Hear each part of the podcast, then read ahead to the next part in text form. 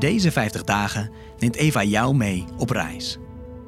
Tijdens dit spannende avontuur, van Pasen naar Pinksteren, ontdekken we wat jij echt belangrijk vindt. Elke donderdag vertellen we je een verhaal van een woestijnvader of moeder. Mensen van lang geleden die ons ook nu nog inspireren.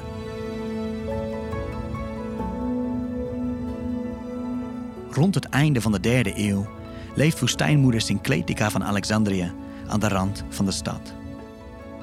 Volgens de overlevering is zij een mooie vrouw afkomstig uit een rijke familie. Toch kiest Syncletica voor het eenvoudige leven in armoede, ten dienste van anderen. Ze is een inspiratie voor velen.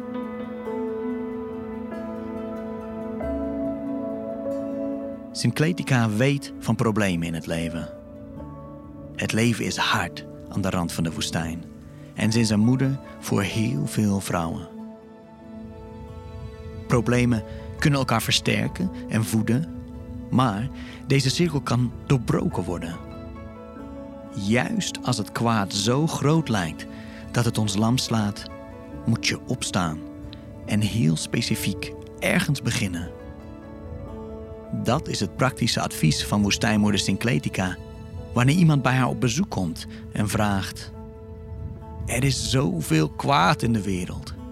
Ik word aangevallen door elk onrecht dat ik zie. Wat zal ik doen? Dan spreekt Syncletica.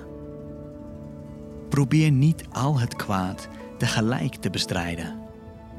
Begin je strijd eerst tegen het voornaamste, datgene waar je het meest last van hebt, wat je het meest tegenkomt en waar je concreet iets aan kunt doen.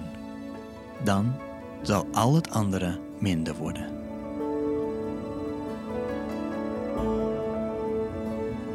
Wat is iets kleins wat je kunt doen?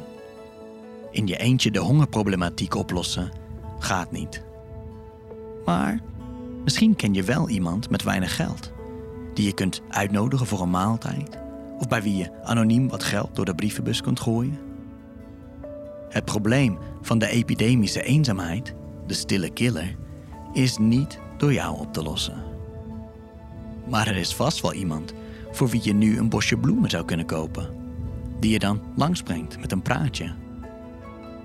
Met een middagje brainstormen is het probleem van geweld in de wereld niet op te lossen.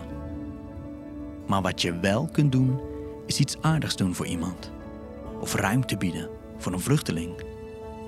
Dat is een mooie les van een wijze woestijnmoeder.